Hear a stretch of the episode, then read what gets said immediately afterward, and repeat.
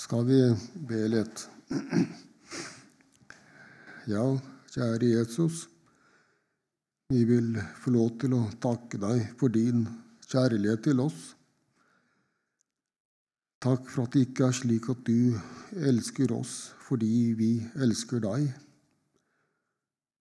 men du elsker oss fordi du er den som du er. Du elsker fordi det er ditt vesen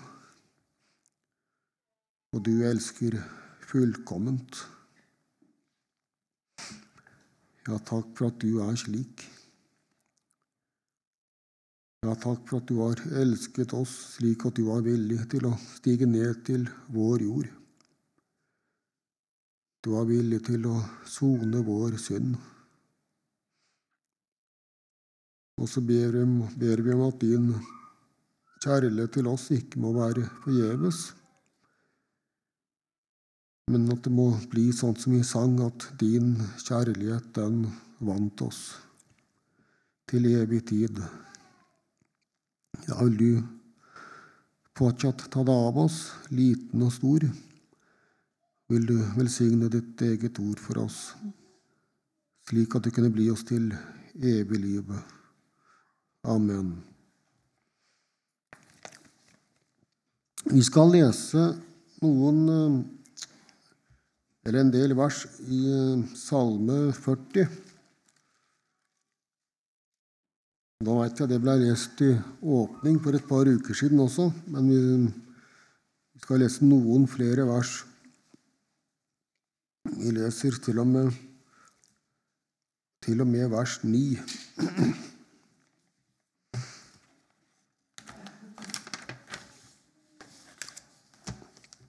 Og vi leser fra vers 1, Salme 40, i Jesu navn. Til sangmesteren av David, en salme. Jeg ventet, ja, ventet på Herren. Da bøyde han seg til meg og hørte mitt rop. Han dro meg opp av fordervelsens grav, av den dype gjørmen. Han satte mine føtter på en klippe han gjorde mine trinn faste. Han la i min munn en ny sang, en lovsang for vår Gud. Mange skal se det og frykte, og sette sin lit til Herren. Salig er den mann som setter sin lit til Herren, som ikke akter på de overmodige og dem som gir seg av med løgn. Herre, min Gud, mange er de under som du har gjort, og mange er dine tanker for oss. Ingen kan lignes med deg. Vil jeg kunngjøre dem og tale om dem, er de flere enn at de kan telles. Slaktoffer og matoffer har du ikke lyst til. Du har boret mine ører. Brennoffer og syndoffer krever du ikke. Da sa jeg, Se, jeg kommer, i bokrullen er det skrevet om meg. Å gjøre din vilje, min Gud, er min lyst, og din lov er i mitt hjerte. Ja, Vi ser jo det her at uh, Salme 40 det er jo en av de mange salmene som David har skrevet. Og det er vel kanskje en av de mest kjente av de også. Og vi vet jo det fra bibelhistorien at David han var flere ganger i, i stor nød. Og ikke minst så vet vi at han ble jo forfulgt av Saul. Og flere ganger så var det jo nesten at han blei ble tatt. Nå veit vi ikke hva som er bakgrunnen for Salme 40, men vi forstår at uh, også nå så hadde han vært i dyp nød. Og vi ser også i det som vi ikke leste, det som kommer etterpå, at han, at han er i nød. Og en, en ting som går igjen i Salmenes bok, og ja, også Davidssalmer, Det er jo Davids tro og tillit til Herren, selv når det virker håpløst, selv når det ser umulig ut. Og eh, det står jo her at han eh, at han venta, ja, venta på Herren. Jeg mener at gamle bibeloversettelser de bruker ordet 'biet'. Og Det er jo et ord som ikke bruker så mye nå lenger. Men jeg har forstått det sånn at det kan bety å vente tålmodig. Eller å kanskje vente lenger enn det en håper eller ønsker. Og slik kan det ofte være. Vi kan være i, nød, og vi kan være i nød, på så mange måter. Det kan være åndelig nød. Det kan være synder som vi sliter med, som vi ikke får bukt med. Og det kan være nød som har med menneskelivet å gjøre. Forskjellige former for sykdom og og lidelse. Det kan være økonomi. Det kan være mellom, mellommenneskelige problemer på jobb og arbeidsplass, i familien. Det er mye som kan gjøre oss motløse, og som kan eh, senke oss ned i gjørma.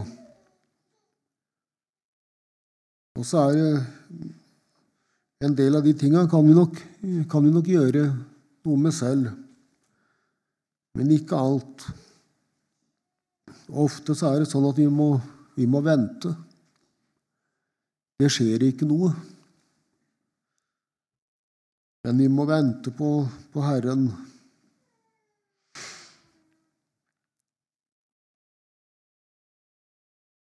Og så kan det også være sånn noen ganger at vår tro og vår kristendom den har blitt overflatisk. Og så har vi kommet på avstand og i ferd med å gli bort. Og da må Jesus stanse oss opp.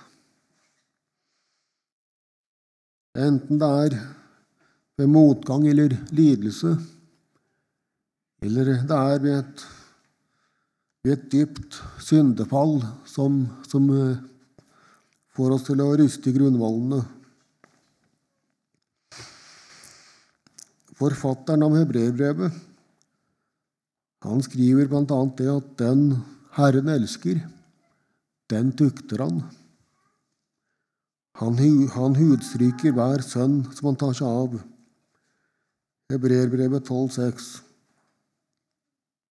Og spørsmålet det er jo hva gjør vi da? Hva gjør vi når Herren tukter oss, når Han prøver å få oss i tale? Ja, lar vi oss stanse? Lar vi oss drive til Jesus?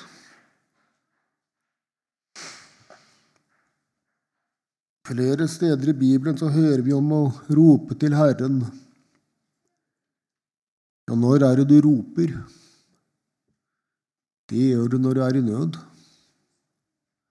Det gjør du når du er desperat, når du må ha hjelp. Da roper du. Du roper ikke når du klarer deg ganske bra selv. Og David, han var i en sånn nød. Han ropte. Han hviska ikke, han ropte. Og nødropet, det kom ifra hjertet, og det var retta til Herren, han som var hans hjertes tillit. Og så forteller David da bøyde han seg til meg og hørte mitt rop. David kunne ikke stige opp til Herren. Han satt jo fast i gjørma. Han satt bom fast. Han sank kanskje dypere og dypere ned. Nei, da måtte Herren selv stige ned til David, han som er den høye og opphøyede. Han måtte stige ned. Han måtte bøye seg ned til David, der han satt fast i fordervelsens grav, i den dype gjørma.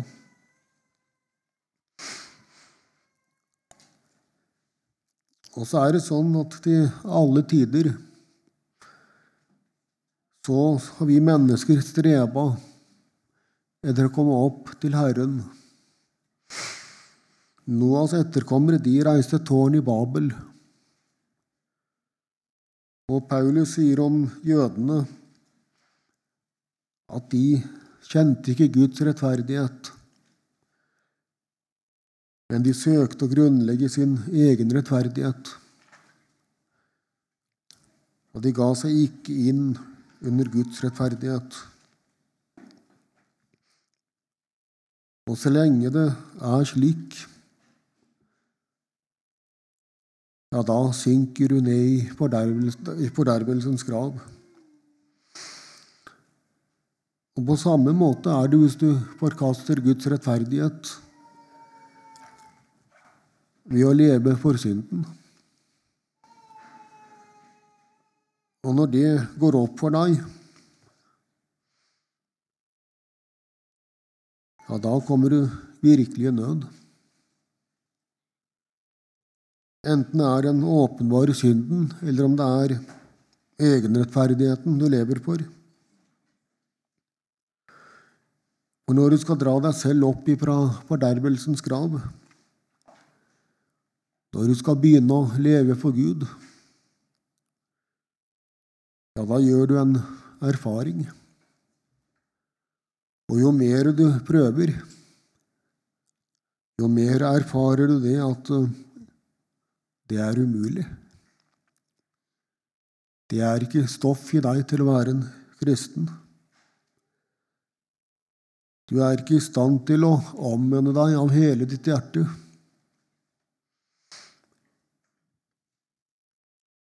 Og selv om du Jo, det, det kan kanskje være øyeblikk der du føler det slik og opplever det sånn. Men så tar det ikke lang, lang tid før du merker det at synd, syndelisten er der fortsatt. Æresyken er der fortsatt. Du har lyst til å ha litt ære selv.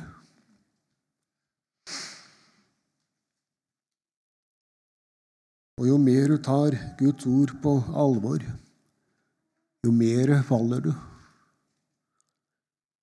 Så gjør du sånn som David gjorde. Du roper i fortvilelse. Men så hjelper ikke. Fordi syndelysten, den forsvinner ikke. Du har fortsatt et kjød. Du blir ikke noe bedre.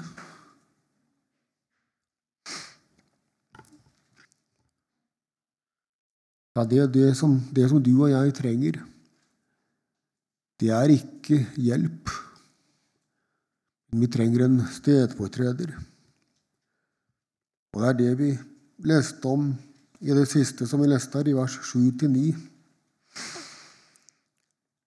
Det var slik Gud bøyde seg ned til oss det var ved å bli, et, ved å bli født som et menneskebarn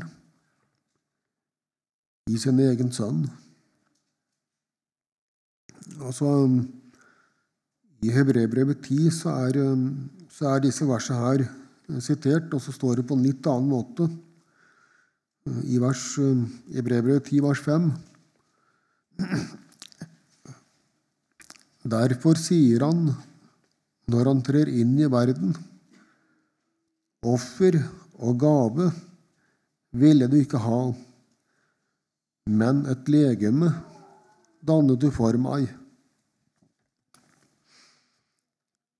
Ja, vår stedfortreder, han må være et virkelig menneske. Han må møte de samme prøvelsene som vi møter. Og han må møte de som et menneske. Sykdom og lidelse, urett og forakt, spott, popularitet Ja, alle de tingene som vi mennesker kan møte, de måtte han møte. Og vi ser det når vi leser i evangeliene, at det gjorde han i fullt monn. Han er virkelig prøvet i alt, men uten synd. Jesaja beskriver Jesus som en smertenes mann, vel kjent med sykdom. Og I det samme verset så står også at han var forakta, og det at de akta han for intet. Og I begynnelsen av Johannes evangeliet så står det at han kom til sitt eget, og hans egne tok ikke imot ham. Ja, slik var det for Jesus. Jesus led. Men det gjør vi også. Hvordan er det så når vi lider? Hvorfor lider vi? Jo, vi kan oppleve noen vanskelige medmennesker. For det er jo de som er problemet. Det er jo ikke oss. Eller vi kjører kanskje bak en traktor, og så kommer vi fram fem minutter seinere enn det vi har planlagt. Ja, det er veldig irriterende. Eller kanskje det er motsatt. Kan, det er ikke noen biler på veien, og så kjører vi for fort. Og så blir vi tatt på fersken. Ja, det er irriterende. Slike ting kan vi irritere oss over. Ja, hvorfor irriterer vi oss over sånne ting? Jo, det er fordi vi er onde. Vi irriterer oss fordi vår egen synd får følger.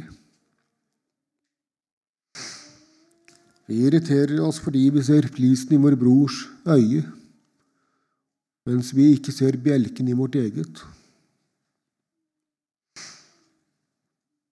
Eller kanskje får vi ikke den rosen og takken som vi mener at vi fortjener. Og det verste er nok det at vi knapt nok regner vår egen irritasjon, irritasjon som synd. Vi mener at vi har rett til å være irritert. Ja, så selvsentrert og egenrettferdige kan vi være.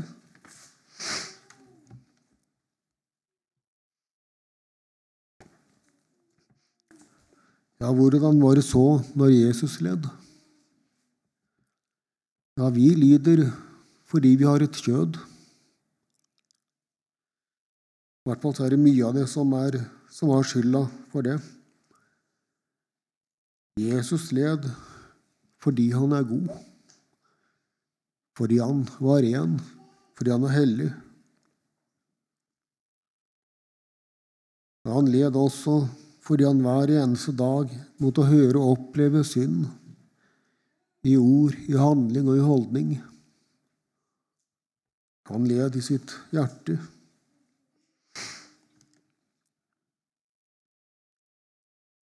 Jesus hadde, Jesus hadde jo sin lyst og sin glede i å gjøre det som var godt. Og Vi hørte jo om hvordan Jesus var til åpning, om kjærligheten. Slik var Jesus. Han var fullkommen. Og Vi leste også i vers, i vers 9 her Å gjøre din vilje, min Gud, er min lyst, og din lov er i, er i mitt hjerte. Han hadde sin lyst og sin glede i det som var godt, i det som var Faderen til behag. Men han hadde også sin lyst og sin glede i det som var til det beste for oss. Og Derfor så var han også villig til å bøye seg ned til oss. Ja, han bøyer seg ned til hvert enkelt menneske. Vi ser det i Samaria. Det står om det i Johannes 4, om, om horkvinnen som går til brønnen midt på dagen fordi hun håper å unngå, hun håper å ikke møte noen. Men så sitter Jesus der og venter. Han venter på henne. Ikke fordi at hun søker han. Nei, hun håper å unngå å treffe noen. Men Jesus er kommet for å søke og frelse det som var fortapt. Han kom ikke bare for de som ropte, slik som David. Han kom også for å søke opp de som forsøkte å gjemme seg. Ja, slik er Jesu kjærlighet.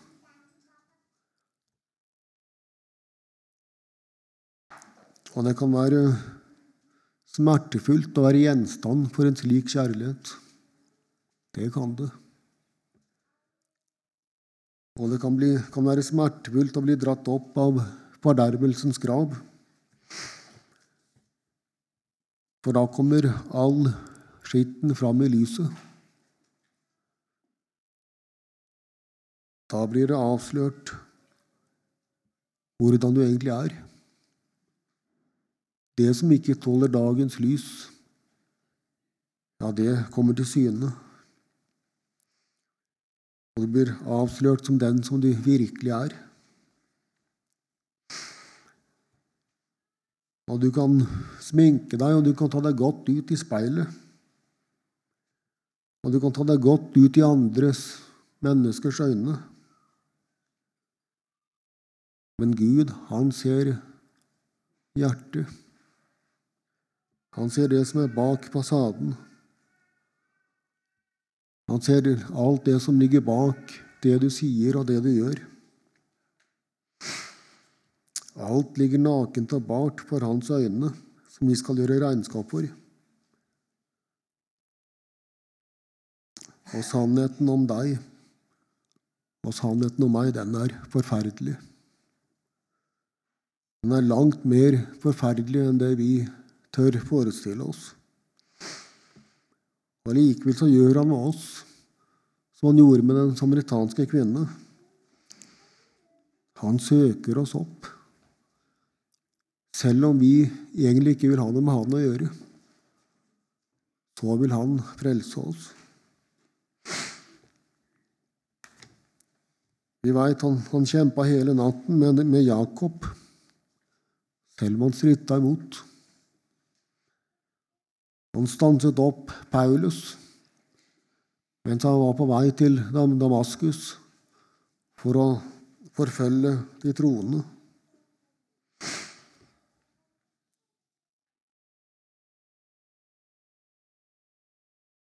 Så leste vi om David i begynnelsen av teksten. Ja, Vi kan si det at uh, det kostet lite for Herren å bruke sin allmakt for å redde David der og da. For å redde han ifra fienden. Ja, han kunne bare si et ord.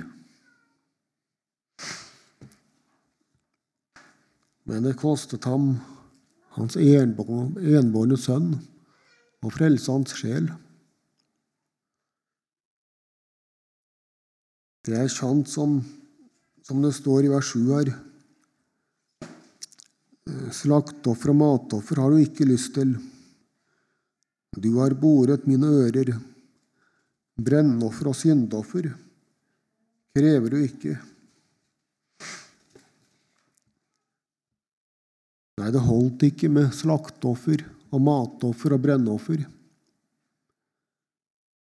Det holdt ikke for at David skulle bli frelst. Nei, for å sone Davids synd og min synd og din synd, så måtte et menneske dø. Et fullkomment menneske. Jesus måtte ta vår plass i fordervelsens grav. Ja, han måtte smake selve fortapelsen. Han som aldri hadde gjort noe galt. Han som elsket Gud og sin neste med et fullkomment hjerte. Han som virkelig hadde rett til å leve. Han måtte dø synderes død på forbannelsens tre. Han måtte dø under hån og forakt fra de som han døde for.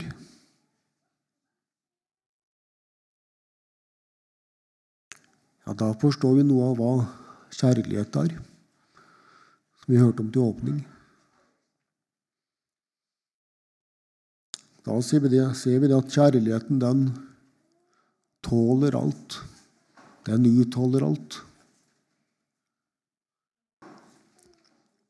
Og Da forstår vi også det at evangeliet det er uforskyldt. Ja, det er ufortjent. Men det er som, som Jesus sier, det er ikke de friske som trenger lege, men de som har vondt. Det er ikke den som fortjener å bli frelst, som trenger nåde men den som ikke fortjener det. Og Derfor så var budskapet om Jesu fødsel også en glede for alt folket. I dag er det født dere en frelser, sa England. Ja, mer personlig kan det ikke sies. Han var ikke en frelser for alle, han var en frelser for deg og for meg. Han er din og min frelser. Han, har levd ditt og mitt liv. Han har sona dine og mine synder. Og Vi leser om David, han som hadde vært i så stor nød. Han fikk en ny sang lagt inn i sin munn. Det var en sang som Herren hadde lært ham. Det var det var handla ikke om hva David hadde fått til, hvor hardt han hadde kjempa, hvor mye han hadde stridd. Nei, det var en lovsang for vår Gud sto det i teksten vår.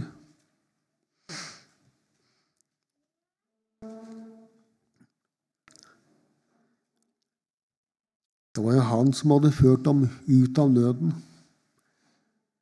Det var han som hadde satt ham på en klippe, på trygg og fast grunn. Og vi har også en klippe, en klipp som ikke kan rokkes.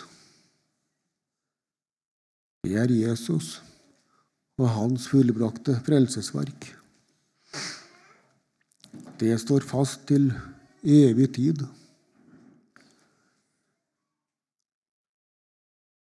Det rokkes ikke av at det mislykkes for oss, for det er ikke oss det kommer an på. Det kommer an på Jesus, og han holder. Og Derfor så kan også vi synge lovsanger til Gud midt i alt det som er galt med oss. For om det er galt med oss, så er det rett med vår frelser og stedfortreder. Og Da blir det sånn som det David vitner her i vers 5. Salig er den mann som setter sin lit til Herren som ikke akter på de overmodige, og dem som gir seg av med løgn. Så sier han i i slutten av, vers, nei, i slutten av Salme 34, i det siste verset der Herren forløser sine tjeneres sjel. Ingen av dem som tar sin, tar sin tilflukt i ham, dømmes skyldig. Her ser vi at evangeliet det handler bare om Herren, om Hans nåde og Hans barmhjertighet for Jesus skyld. Og vi må erkjenne det at David han har rett når han utbryter i vers 6 her. Herre, min Gud, mange er de under du har gjort, og mange er dine tanker for oss. Ingen kan lignes med deg. Vil jeg kunngjøre dem og tale om dem, er de flere enn at de kan telles. Allerede før skapelsen tenkte han på oss. Da han forutså syndefallet og utvalgte oss i sin enbårne sønn. Og så, i tidens fylde, da sendte han ham. Da sendte han Jesus for at vi skulle leve ved ham. Vi som i oss selv er døde i synder og overtredelser. Vi skulle få leve ved ham, ved hans liv og ved hans død, ved hans oppstandelse og hans himmelfart. Ja, Herren har gjort alt til vår frelse. Han har gjort det aleine, uten vår medvirkning. Ja, må vi ikke forakte Guds nådegave men må vi ta imot Ham som er vårt liv og vår redning, ja, Han som er vårt eneste håp og vår eneste trøst. Må vi la oss lede av Han helt til vi står framme i himmelen.